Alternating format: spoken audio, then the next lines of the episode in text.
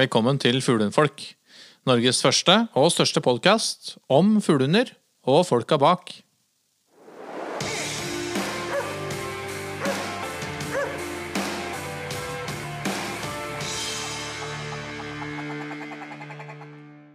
Hei, kjære venner.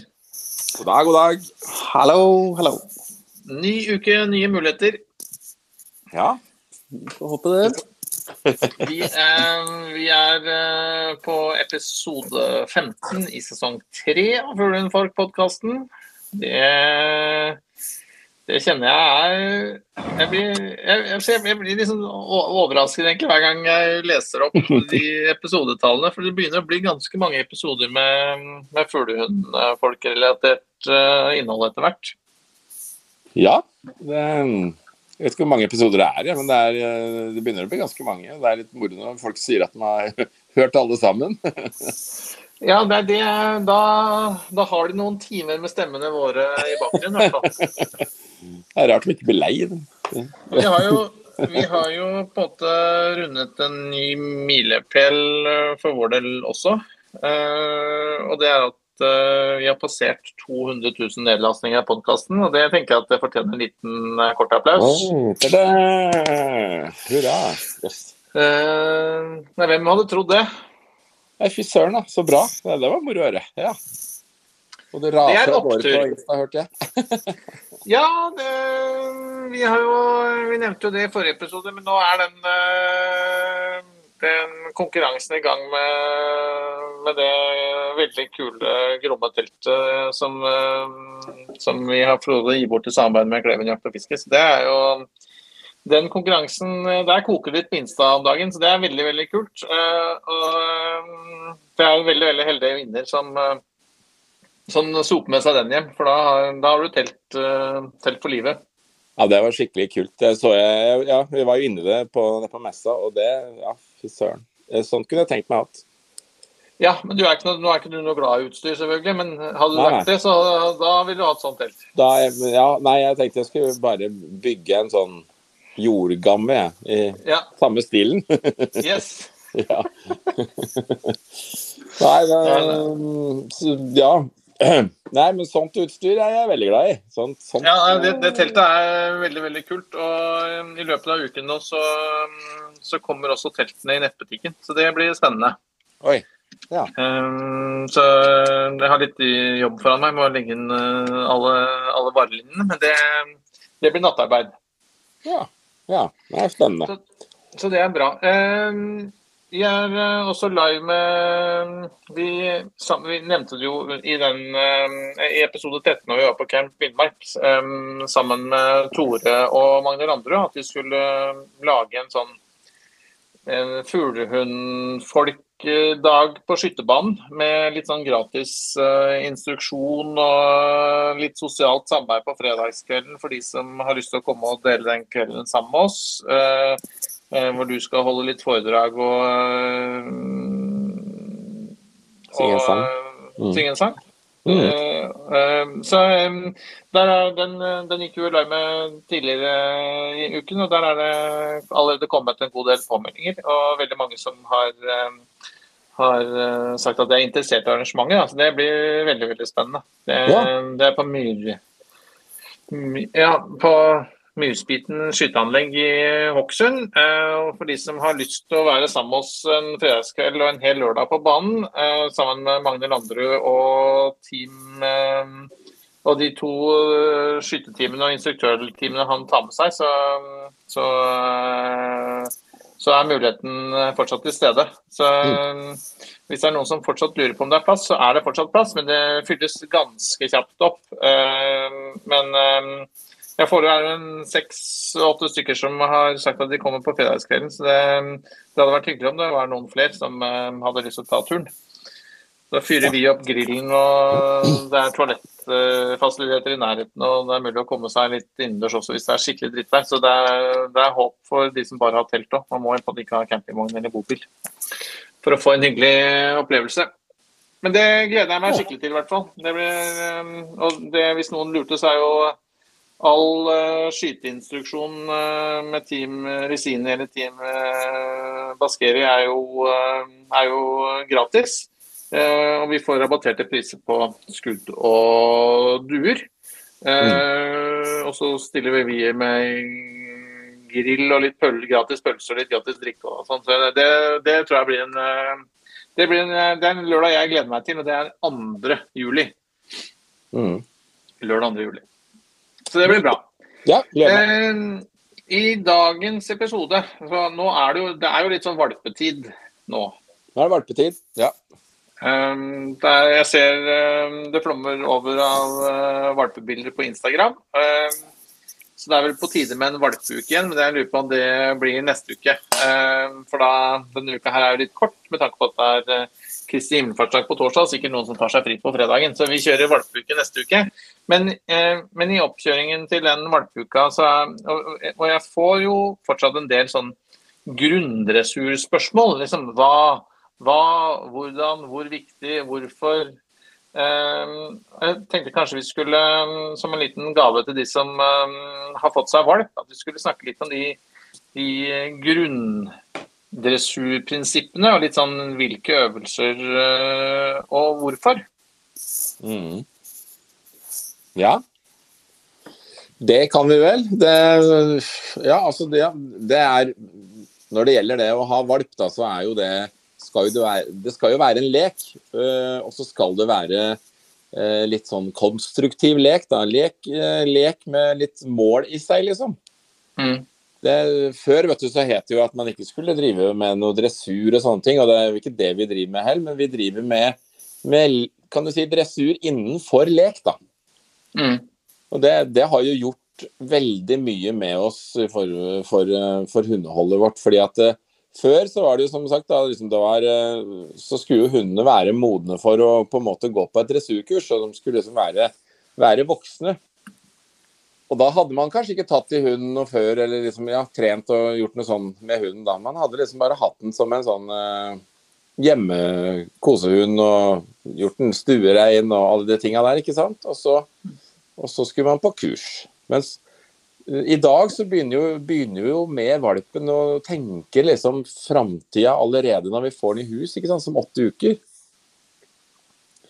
Og så har jeg jo sagt mange ganger dette her med at det i denne valpealderen så er det jo utrolig viktig da å få uh, på en måte fulgt opp valpen, gi en masse erfaringer og utfordringer, ikke sant. Fordi det er jo nå altså Alt det maset og kjaset rundt en valp, det er jo egentlig bare en sånn liten en som flyr rundt på en av dine og så sier 'jeg vil, jeg vil, jeg vil, jeg vil, jeg vil lære, jeg vil lære'. Ikke sant? Det er liksom Det er greia, altså. Så, mm. for, så hvis vi har nå å tilby noe å gi av erfaringer, både miljøerfaringer og, og, dette her med å lære å leke og lære å kanskje sitte og løpe etter ting og hente ting og alt dette her innafor lekssekvensen. da. Så, mm. så, har vi masse vi kan gi hunden av konstruktiv lek, da kan du si, i den alderen her. Og det, det syns jeg folk skal liksom begynne med. Og så kan Noen sier ja, men hunden min han vil jo ikke leke, eller han vil jo ikke drive med sånt og sånne ting. Og da, For en valp så er det ofte at enten så er han kanskje for ung da, til at han, liksom, at han kan på en måte være med på, på altfor mye av dette her. Og, og, og, og, da får man bare uh, minske litt på krava, for å si det sånn. Da får man bare liksom leke litt innenfor de rammene som, som, er for en liten valp. Og det er jo med valper som det er med barn. ikke sant? At det her er out of signed, out of mind, som vi sier. ikke sant? Ikke an man kan kaste en ball foran en valp, eh, bare sånn halvmeter, meter, og så vil jo valpen å, spennende å løpe etter. ikke sant? Men hvis du kaster den flere meter foran, så bare ser du at hun eller valpen bare Oi, borti, ja. Nei, der var det ingenting. Så snur den og så gjør den noe helt annet. Mm. Liksom blir, eh, når det blir for store avstander unna, så, så blir det out of mind for en sånn liten krek. Da. Så det, da, da man liksom må porsjonere seg, og det er masse fin litteratur å lese rundt dette her med valp. Eh, og jeg så ikke minst siste utgaven av Blad Fuglehund. Der eh, vet jeg at det er en reportasje om, om valp og, og, og, oppfølging av valp liksom det første året. Mm. Så det er masse man kan på en måte tilegne seg. da. Eh, og, mens noe, noe som jeg syns er viktig da, i, i, dagens valpehold, det er jo dette her med å lære hunden til å bli eh, interessert i noe som man kan bruke som et verktøy i form av lek. Da, med, når man skal tenke f.eks. på apport og sånne ting videre. Da. Mm. Ja, for det, det, det, i, i, den, i, den, lekfasen så er det jo mulig å leke relevant, på en måte. Ja, ja, ja. Lek er jo alvor eh, i hundeverden. Det er jo liksom eh, Lek er jo trening av alt fra, fra ferdigheter, ikke sant, til eh, til utfordringer og miljøer. ikke sant? Alt fra vann til grus og asfalt og alt dette her. Det å erfare og leke i alle elementer, det er jo Alt dette her skal på plass, da. Mm. Så man har egentlig ganske mye å gjøre.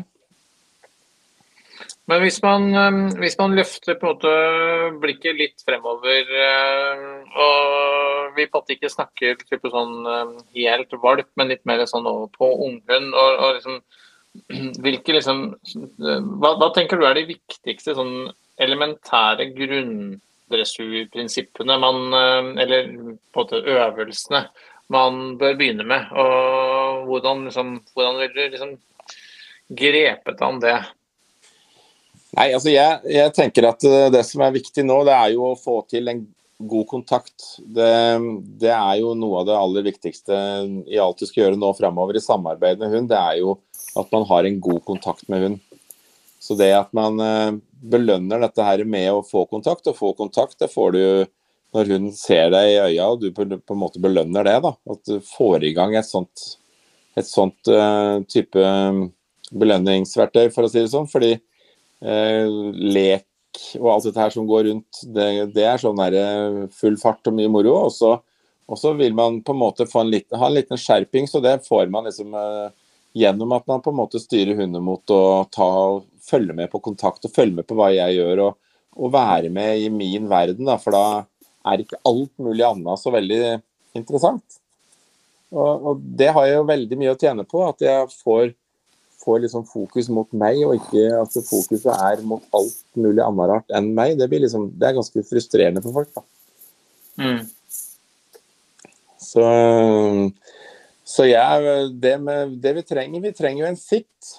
Og en sitt er jo på en måte noe man ofte trener inn eh, fra foran oss. At vi liksom får hun til å sette seg imot oss, ikke sant. Med, med og bruker gjerne en godbit og så sier sitt, og så får den, får den en godbit som belønning for at den satte seg. Eller ved siden av oss på venstre side er ofte en utgangsposisjon for for all mulig annen for, for dressur senere, og, og, for de aller fleste av oss. Og... Det har jo vært fleipa litt, den der å trene sitt hele livet.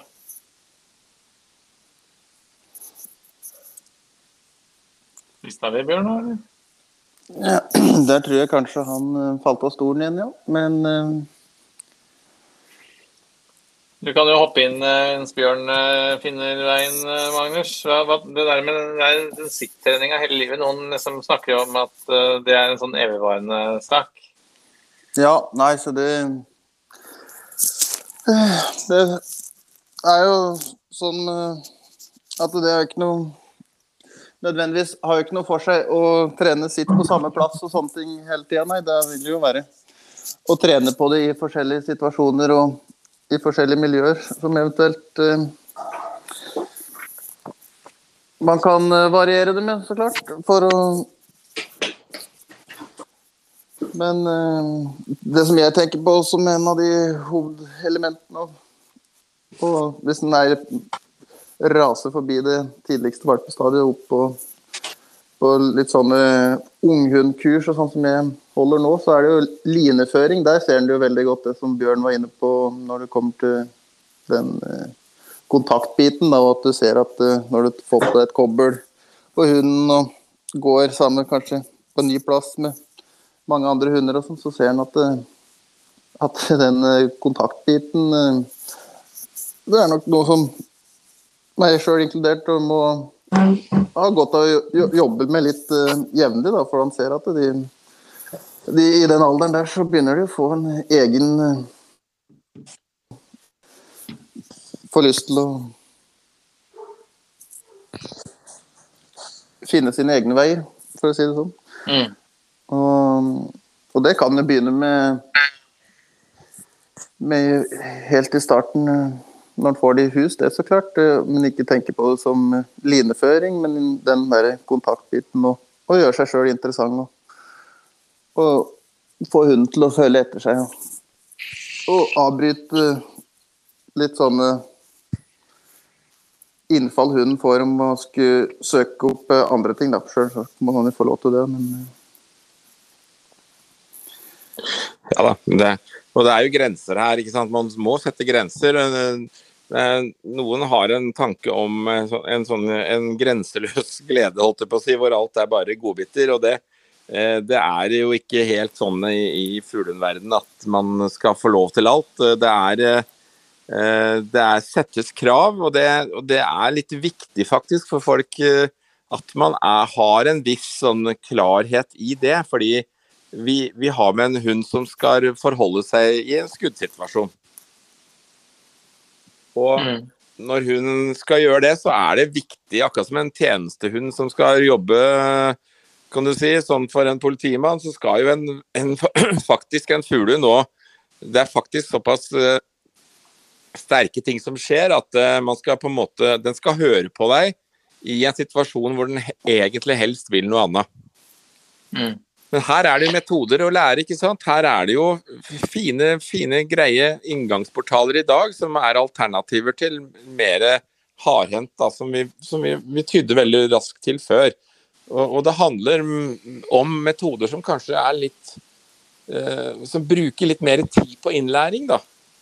Det er for jeg er helt sikkert det er flere av lytterne våre som uh, skvetter litt i stolen når, du, når liksom ordet grensesetting blir, um, blir nevnt. Da, fordi uh, Dette har vi snakket om uh, mange ganger tidligere, og, og som kanskje har vært et sånt, um, litt sånn negativt ladet uttrykk da, i fuglehundverdenen, i hvert fall, i hvert fall for noen år tilbake. Ja, ja. Det kan du godt si, men altså, grenser er jo noe som på en måte må oppnås. Og det må ikke oppnås med, med, altså med hardhendtbehandling, men, men, eh, men at, det kan, at det er en bestemthet der, det, det vil det nødvendigvis måtte være ved tanke på at det er sikkerhetsaspekter der i forhold til skudd. En hund, en hund må faktisk høre på deg når, eh, når det smeller, for å si det sånn. Eller i Mm. sitt kommandoen i en fugl. Men, men dette her bruker vi bruker jo visjonsrypa, eller det som eh, rufsetufsa som vi kaller den her i Norge. Mm. Eh, Det er en veldig fin inngangsportal for å lære, eh, lære ro i oppflukt, da. Mm. Eh, Som er helt stuerein, for å si det på den måten. Så det, det er jo ikke, det er jo ikke mangel av muligheter. og og at man må eventuelt ha på en langline, og at en må stoppe en fugl, eh, eh, en hund. Det, ja, det må vi, men, men det betyr jo ikke at man må røske og rive og herje. Man bør jo på ingen måte gjøre det i en fuglesituasjon, fordi det med voldsom eh, behandling kan du si, av hunden i fuglesituasjoner, det gir jo ofte en hund som på sikt blir litt mer reservert i fuglesituasjonen. Det er ingen som har noe igjen for å gjøre det.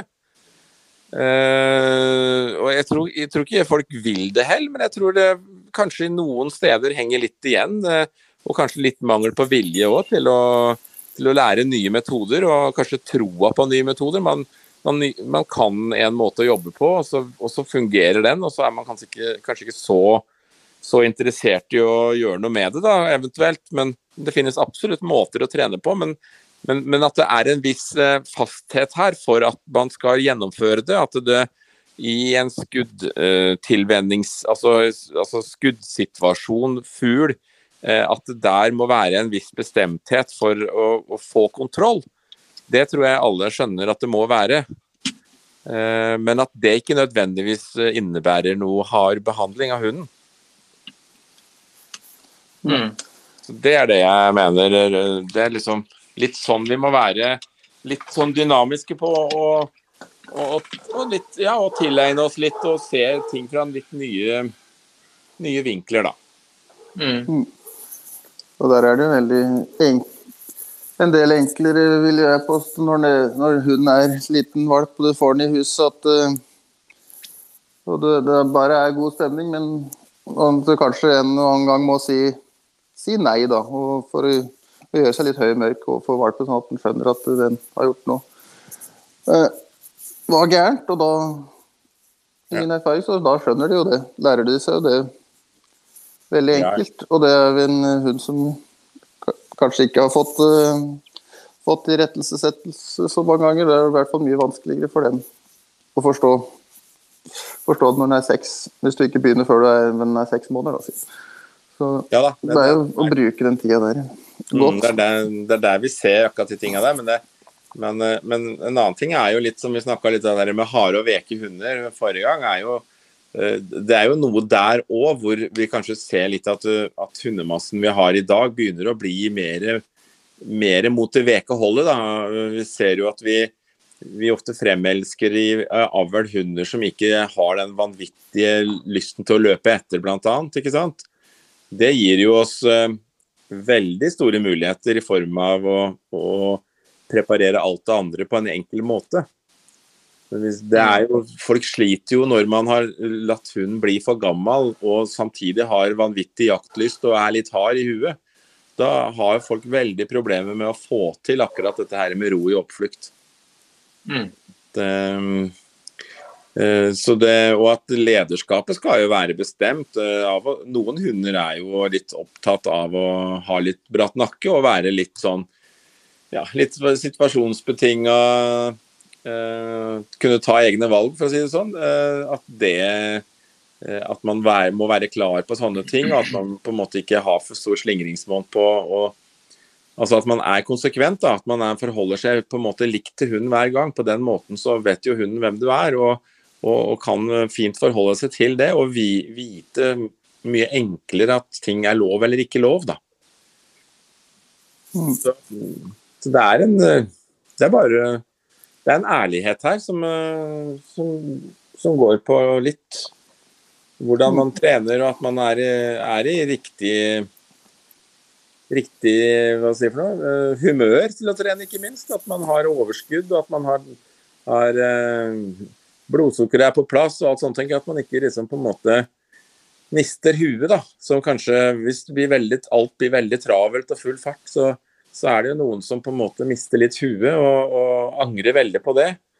Eh, Man må òg tenke på seg sjøl, at man er i den den balansen når man skal drive med dette her, at, eh, at, eh, at det går fint på alle måter.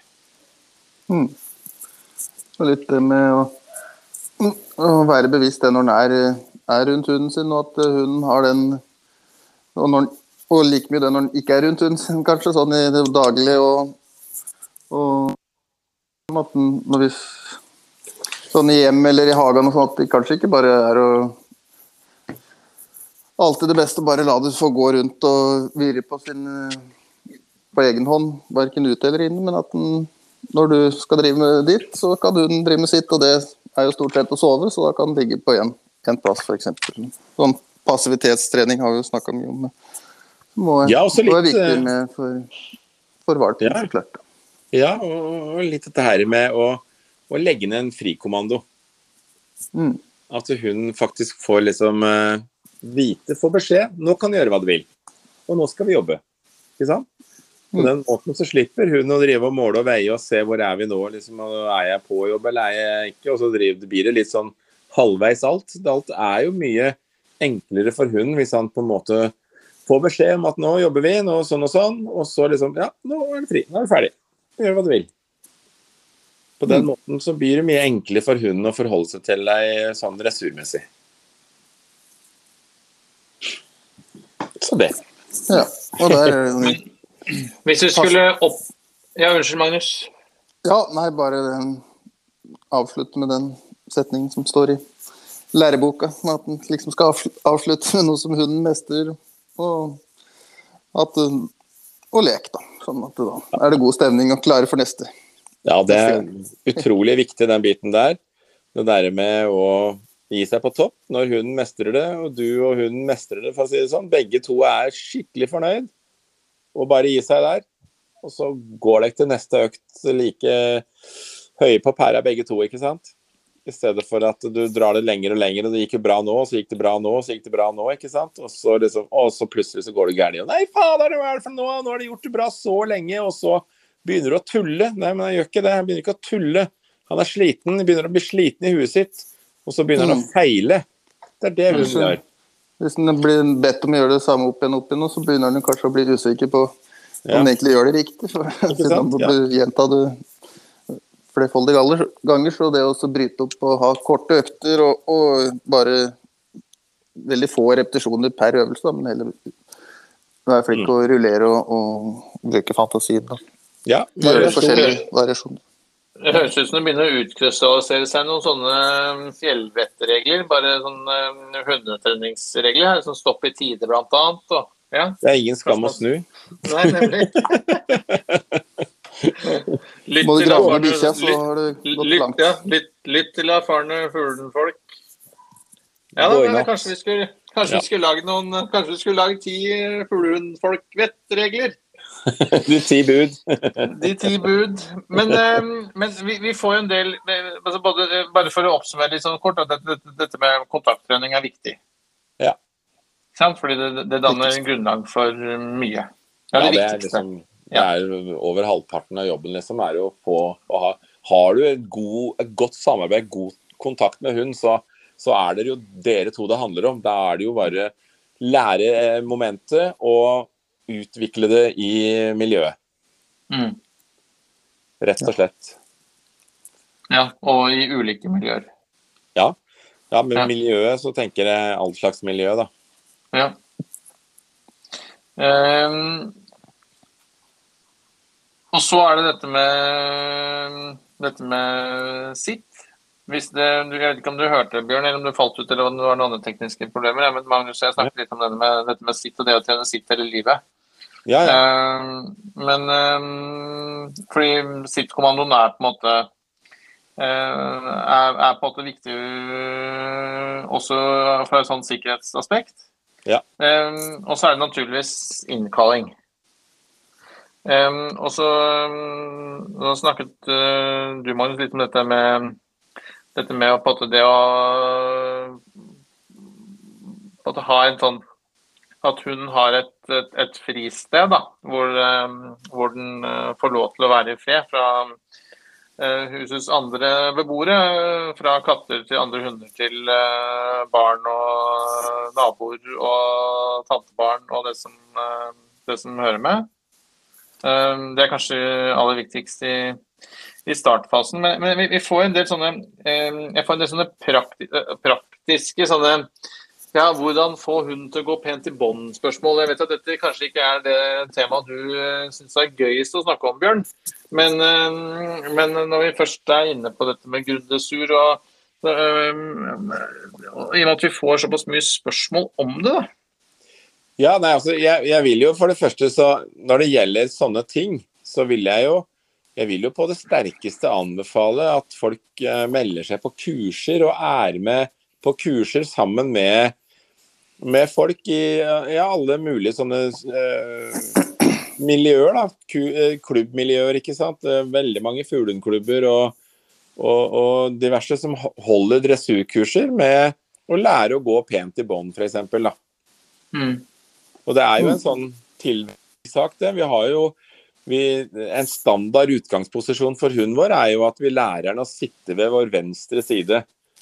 Det er, det er, liksom, det er et sånn sitt som vi snakker om hele tida, og det er det sittet som vi tror at er et, da et sitt som fungerer på alle måter, og det gjør det jo ikke. For den sitten på venstresida vår, den, den er sitten der.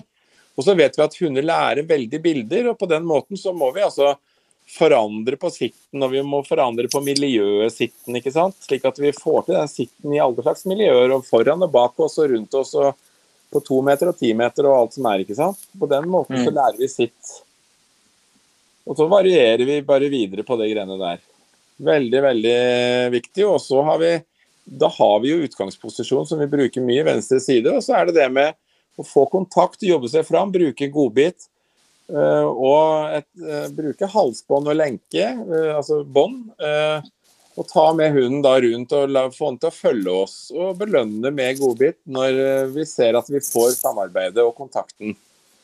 og bruke korte intervaller først, og bygger ut i tid etter hvert. Og vi bygger òg på med vanskelighetsgrader i form av liksom høyre, venstre, helt om mars og møte andre hunder og, og alt det greiene der, ikke sant. Mm.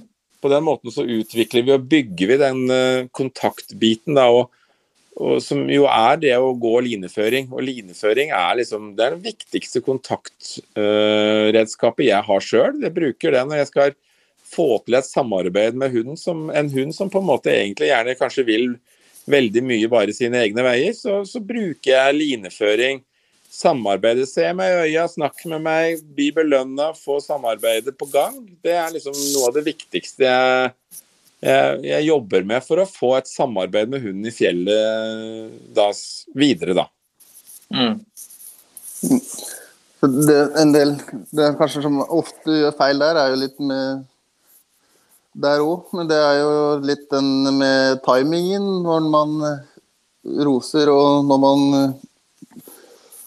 når man kommer med en korreksjon. At, at det skal være lett for hunden å skjønne når den går riktig og når den går feil. Og det der må en jo treffe riktig med, med timingen der. Og så er det litt det med dobbeltkommandoer at uh, man uh, sier en kommando litt for mange ganger da, før, sånn at den vanner ut uh, kommandoene. Og mm. ellers på lineføring, om det er noen gode råd å komme med der. Så nei, det er hvis en det er litt Nå gjøre seg sjøl interessant, ja, som du er inne på, Bjørn. Og så og kanskje legge inn litt mye vendinger og sånne ting. Da, sånn at liksom, hun blir nødt til å faktisk følge etter deg, og ikke får anledning til å gå, gå der den vil. Hun vil en vei, så skal du i hvert fall snu 180 grader og gå, gå den andre veien. Sånn at, og gjør det ganske enkelt. Mm. Og for hunden å forstå et, etter hvert, ser vi på. Så Nei, så det er jo bare å Trene, trene der òg, ja. Ja, ja, ja. da. Nei, det Alt dette her kommer stegvis. Og, det, og for å få det til, til, å fungere, kan du si, med når man tenker at man har foran seg det med jaktprøver og sånne ting, at det er et mål, da, så er det jo veldig viktig at hunden din fungerer sammen med andre hunder. Og Det har en stor fordel, eh, som jeg også tidligere har sagt. Liksom, er det et kurs du i hvert fall skal ta, så er det et valpekurs. Liksom, for å få til det det samspillet mellom valper. og uh, At det er en veldig, veldig, viktig alder for valper å bli kjent med andre hunder ikke sant? Uh, når, den er, når den er valp. Så, så, så, så, man vil ha igjen for òg videre da, når man skal lære å jobbe selvstendig og fungere sammen med andre hunder uten at det skal være en sånn stor sensasjon at det er en annen hund der og at man enten reagerer med å bli irritert og sint eller redd, eller, eller at man blir så superglad at man bare skal leke. Man, liksom, uh, at man lærer at man skal kunne jobbe med andre hunder rundt seg, uten at det betyr uh, at det bare er lek og moro, men at det er, er uh, et, en, en, jobb som skal gjøres, da, som en fuglehund skal. Mm. Nei, så An ja. Eh, andre ting du tenker er viktig å nevne i den, liksom i den settingen vi er nå? Hva skal jeg si? Det er jo alltid viktig å tenke f.eks. dette her med eh, altså verdien Altså det er en verdifull godbit du bruker i, i arbeidet, så det er noe hun vil jobbe for å få tak i. Og det er viktig med, med tid, eh, tids, altså hvor mye jobber du, hvor lenge jobber du om gangen. ikke sant? Dette er jobbe i korte økter og, og få, til, eh, få, til, ting. Og så slutte når, som du sa her i stad, dette her med å slutte på topp hele tida. Avslutte liksom når, når, man har tatt en to-tre svinger hit og dit og alt fungerer veldig bra, så er det liksom Kanskje legge inn frihetskommandoen, gjør hva du vil, bra, ikke sant? Flink. Og så hun får fri, da. Eller si bruk fri, eller hva du vil, som en kommando for at det, nå er vi ferdig, og så er det på plass, og da er vi på jobb igjen. Og så er det jobb, eh, så er det en to-tre svinger sånn og sånn, og så belønner vi for det. og Det er ikke sånn at bikkja skal fôres med mat hele veien. Det, og det er litt, litt sånn greit å gå kurs for å lære litt mer at man eh, er god på timing, da. Mm. Timing er jo det som skaper læring her, ikke sant. Og Og, og, det har vi alle veldig godt av å, å få drilla på for å bli gode i. Mm. Og like mye som godbiter bruke seg sjøl, liksom. Da gjøre seg Tørre å være litt klovn og gjøre seg, gjøre seg interessant. Og, og gjøre seg til litt for valpen. Han, eh, at han gjerne vil komme til deg. Når han ser på deg, Hvis han stopper opp og ser på deg, så bare snur du og løper der og sier 'ja, kom hit', og tjo! Så, da vil den liksom komme. Så du vil jo se ganske fort at da er det ikke noen heller vil enn å løpe etter deg. Mm. Og følge etter deg og lure på hva du skal finne på for noe gøy nå. Og leke. Ikke sant. Og det, man jobber opp I dag som vi bruker litt andre metoder òg, i forhold til hvordan vi har gjort før. Med tanke på f.eks. rapport. da, når vi før så var liksom tankene mer mot uh, uh, en tvangsrapport eller en, en, ganske sånn klar lydighetsrapport med ganske høyt krav i gripinga uansett.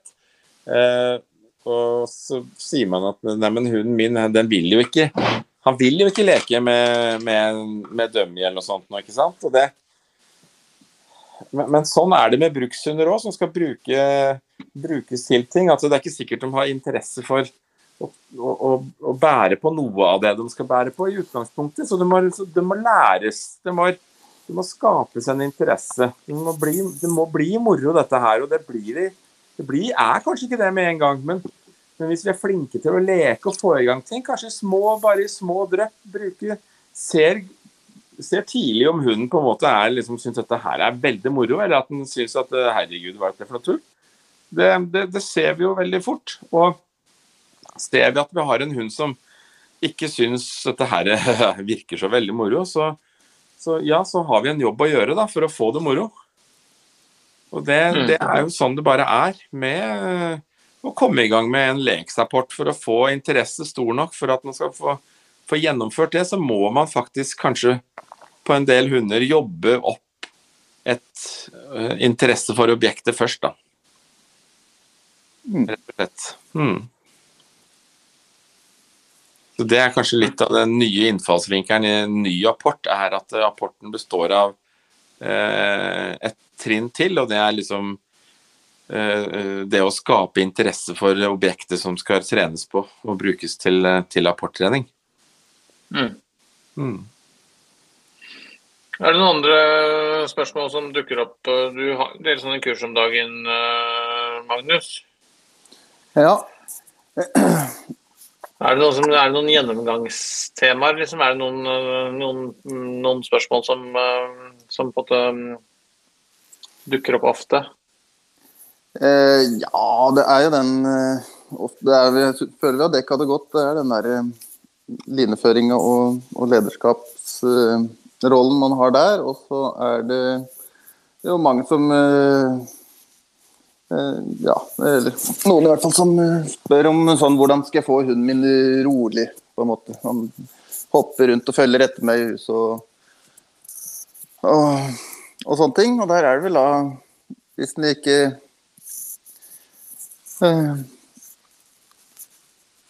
da da er det liksom den uh, jobben man må, må, må, gjøre der, da. Som med å mm. passivitetstrening og, og, Ja, og det, og det er så mye av det vi har sagt før om dette her med at uh, man uh, Skal man få en hund som kan være rolig for seg sjøl, så er det jo ikke skal det jo ikke være sånn at hunden nødvendigvis skal bo i fanget ditt. Plassen til hunden din skal ikke nødvendigvis være i sofaen der du sitter. Eh, hunden kan absolutt være i stua, men kan være i sin egen seng. Eller kanskje aller best så kan den liksom trekke det litt uh, unna. Men her ser vi jo at noen hunder er mer, mer, klare for det enn andre. ikke sant? Og så ser vi litt på hundeeiere òg, som på en måte definerer, altså som gir hunden et, en annen verdi, da, eller kanskje eller en større verdi, eller det å være hund. altså Nå er jo det å være hund i Norge eh, det er jo å bli født med gullskje i munnen, eller i bikkjekjeften, det. I Verdens hunder her i Norge har det veldig bra. Men eh, det betyr ikke at de skal måtte være oppå oss hele tida. Det betyr at eh, de kan få lov til å være hunder være, være det i, på sin plass. Ha sine ting som på en måte For hunder roer seg veldig godt med det. Når de får sine ting, sine plasser å være og sånne ting, så, så er de veldig godt fornøyd med det. Og det blir mye mer mas og, og styr med en hund som på en måte skal på en måte kløs på, holdes på, løftes på, ligge ved siden av deg hele tida, det styret der. Det, det, blir ofte veldig mye mas for en hund. fordi eh, fordi Fra naturens side så er ikke en hund skapt for å på en måte være i den på en måte pleaser-rollen hele tida. Det, det, er noe man uh, gjør for å på en måte opprettholde et samarbeid og en, og en familiær nærhet, kan du si. Men uh, og som på en måte skjer i små, korte økter sånn av og til. Men, men at man skal være oppå hverandre og klappe og kline hele tida, det, det, er egentlig liksom ikke noe hundene eh, nødvendigvis opplever som en sånn veldig stor fordel. Da. Det er noe som jeg føler at en god del hunder mer føler seg litt mer blir litt stressa av, faktisk. Og det er jo mm. ofte disse typer hundene òg som blir liksom de litt stressa individene som har litt problemer med å være alene hjemme og alt dette der styret der. Hvis man på en måte ikke lar hunden få lov til å ha litt sånn litt egentid, være seg sjøl, ha sine ting. Ikke nødvendigvis eh, være helt oppå oss mennesker hele tida, da. Jeg tror mm. det er litt viktig, det òg, altså. Mm. Og den det kan jo være å ha det i bakhodet når en har en søt liten valp eh, i hodet som liksom gjerne vil løfte opp og nusse på og klappe og, og ta, kanskje ta med seg opp i sofaen og sånne ting. Men eh, da, den, de hundene er smarte, lærer fort. Så ja, ja. Eh, hvis en lærer seg til det som valp, så ser ikke det noen grunn til at en ikke skal gjøre det når en kanskje blir eh, noen kilo større og og da, da kanskje ikke er så søt og trivelig for deg å ha det oppi fjeset eller oppi sofaen. Så. Nei, og det blir, og det blir, mer, det blir nesten mer irritasjon for folk etter hvert. For man har liksom latt det gå kanskje litt for langt da. Og så er man redd for grenser og grensesetting, og, og det skal du heller ikke være. For å sette grenser og ha at, at vi mennesker, vi, vi, elsker jo grenser. Det, og sånn Dyra det elsker jo grenser. Da vet de jo helt hvordan, hva de skal forholde seg til. Men hvis, man, hvis, de lever i en situasjon hvor de hele tida må teste grenser, hvor går liksom grensa for hva jeg kan gjøre, og at det liksom ikke er noe sånn konsekventhet i det, så, så blir det en hund som hele tida søker etter noe øh, om mulig mer oppnåelige ting, ikke sant. Så det at man har Jeg har spurt veldig mange hundefolk som kommer til meg og spurt det som ja, syns det er ålreit med fri barneoppdragelse, så er det liksom noe for deg. Og da sier vel alle sier som har vært her at nei, det syns vi ikke. Vi syns at det er greit at uh, barna våre hører på oss når vi snakker til dem, og at vi har litt ordning og reda i, i hus og heim. Det, det sier så å si alle mennesker. Og det må òg gjelde for hund. Det er ikke feil at hunden får hun har det så mye bedre når han har litt ordna forhold rundt seg og vet hva han har å forholde seg til. De er ikke så smarte at de på en måte uh, tenker ut dette her sjøl, sånn at de på en måte blir levende litt i en sånn prøve og feile-rolle hele tida, hvis, hvis, tilbudene på, på, en sånn måte veldig varierer hele tida. Litt i form av din dagsform, kan du si. Så du gir hunden din mye mer ro eh, i, i, sjela gjennom å ha litt klarhet rundt hvordan hverdagen ser ut, og hvor, eh, hvor på en måte grensene går, hvor eh, senga er, og hvor, eh, hvordan vi vil ha det, da. Rett og slett. Mm. Og det er, okay. ikke noe, det er ikke noe galt å, å ha, ha, et sånt forhold til hunden sin. Det, det må vi jo ha, skulle vi ha et ålreit hundehold. Mm. Så, så, kommer jo det Selvfølgelig så er det noen som er mer ekstreme både den ene og den andre retningen. Og det, det er jo bare sånn Sånn er jo vi mennesker, at vi er forskjellige. Men vi styrer og prøver å styre mot i hvert fall en, en, eh, en god middelvei, da. Rett og slett. Ok, Her er det jo en uh, god, del, uh, en god del ting å ta inn over seg som, uh, som ny valpeeier. og vi har bare så vidt skrapt i overflaten, egentlig. Men, men jeg tror det, litt av poenget på, med denne episoden var jo å måte, minne litt på, på de, kanskje de viktigste elementene da, som er viktige liksom, å ja, begynne å jobbe med tidlig og på en måte ha i bakhodet. Fordi det danner på en måte grunnlaget for så veldig mye annet senere. da. Ja, ja, og det Hvis ikke jeg husker helt feil, så mener jeg at det var skrevet litt om valp og valpetid, valpestadier og sånne ting i forrige, eller det siste Fuglehundbladet som kom ut. Og det kan være smart å lese. Mm. Mm. Rett og slett. Um,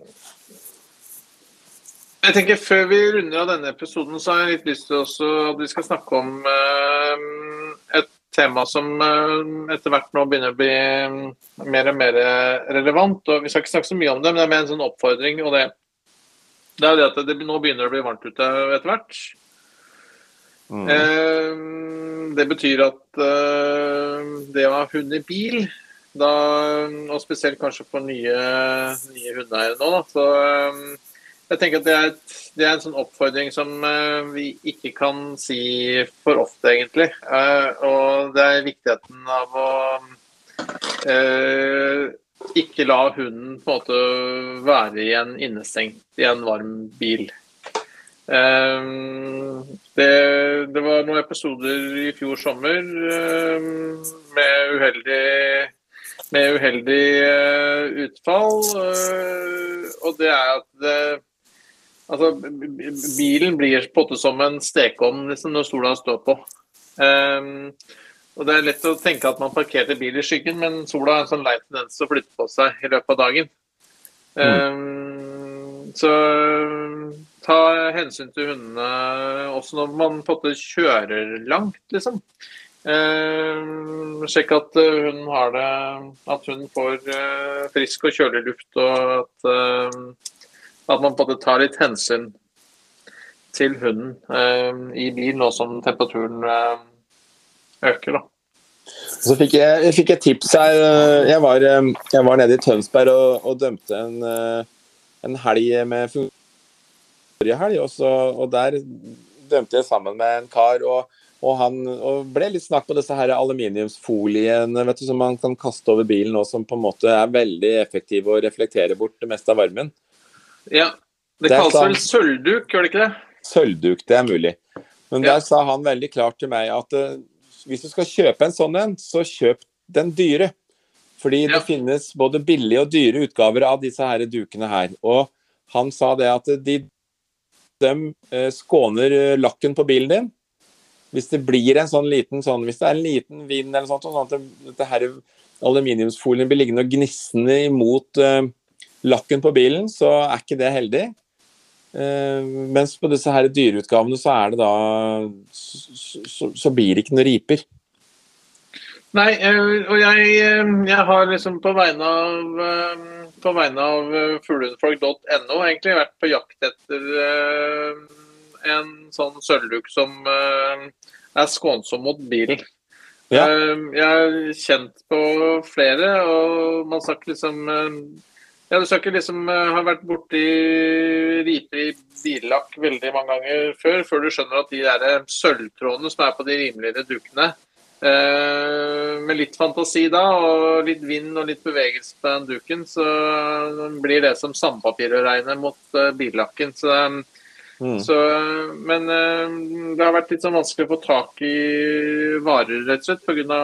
flere ting. men jeg håper at vi før, i hvert fall før sommerferien uh, uh, står for døren, så at vi har klart å få tak i noen høykvalitetsduker. Mm. Uh, fordi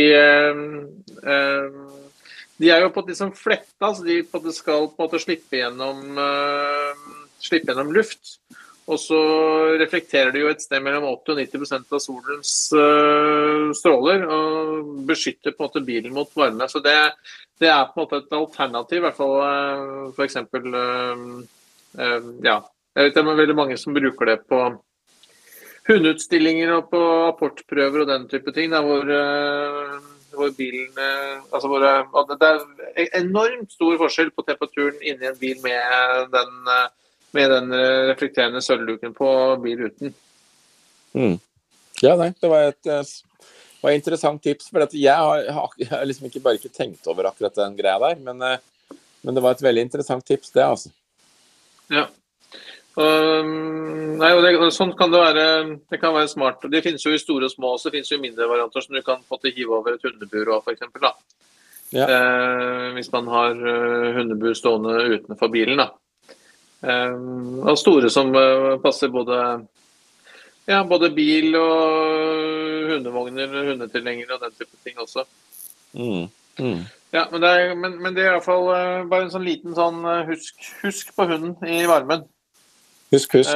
Absolutt. Det, det, er en Ja, det, kan ikke sies for ofte, tror jeg. Også for de som uh, har hørt oss si det mange ganger, de får på en måte bære over oss med det. Men ta vare på hunden i bil når det er varmt. Det er oppfordringen, egentlig, da. Ja. Fornuftig.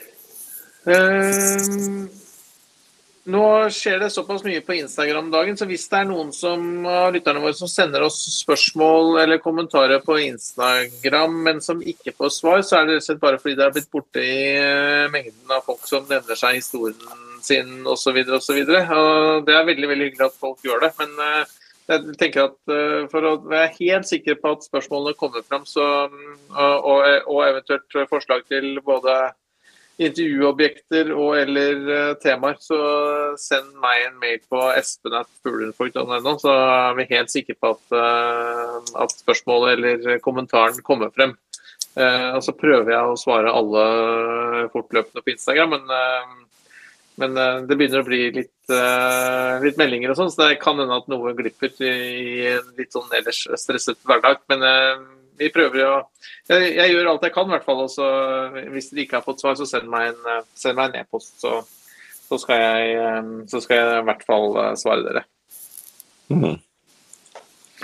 Skal vi kalle det for en episode, da, folkens? Ja, det må da være litt, litt av en episode, det. jeg tenker det. Jeg tenker det. Ja, jeg tror det. Husk på skytedagen sammen med Magne Londerud 2. juli. Gå inn på Facebook og meld dere på arrangementet der. Og send meg en e-post hvis dere vil ha gratis skyteinstruksjon. Så skal jeg prøve å sette dere inn i kalenderen, så at vi alle får den uh, tiden de trenger uh, med instruktørene. Mm. Uh, og så er det hyggelig hvis, hvis flere har lyst til å komme på fredags ettermiddag kveld. Så kan vi sitte og ljuge litt rundt bålet og høre på Bjørn forteller uh, mer eller mindre sanne skrøten. Ja, det gjør det. Vi gleder oss. Og så uh, høres vi igjen uh, ganske snart. Ja. Tusen takk for at dere bruker tiden på oss, kjære lyttere. vi høres. Yes. Ha det bra. Ha det bra. Ha det.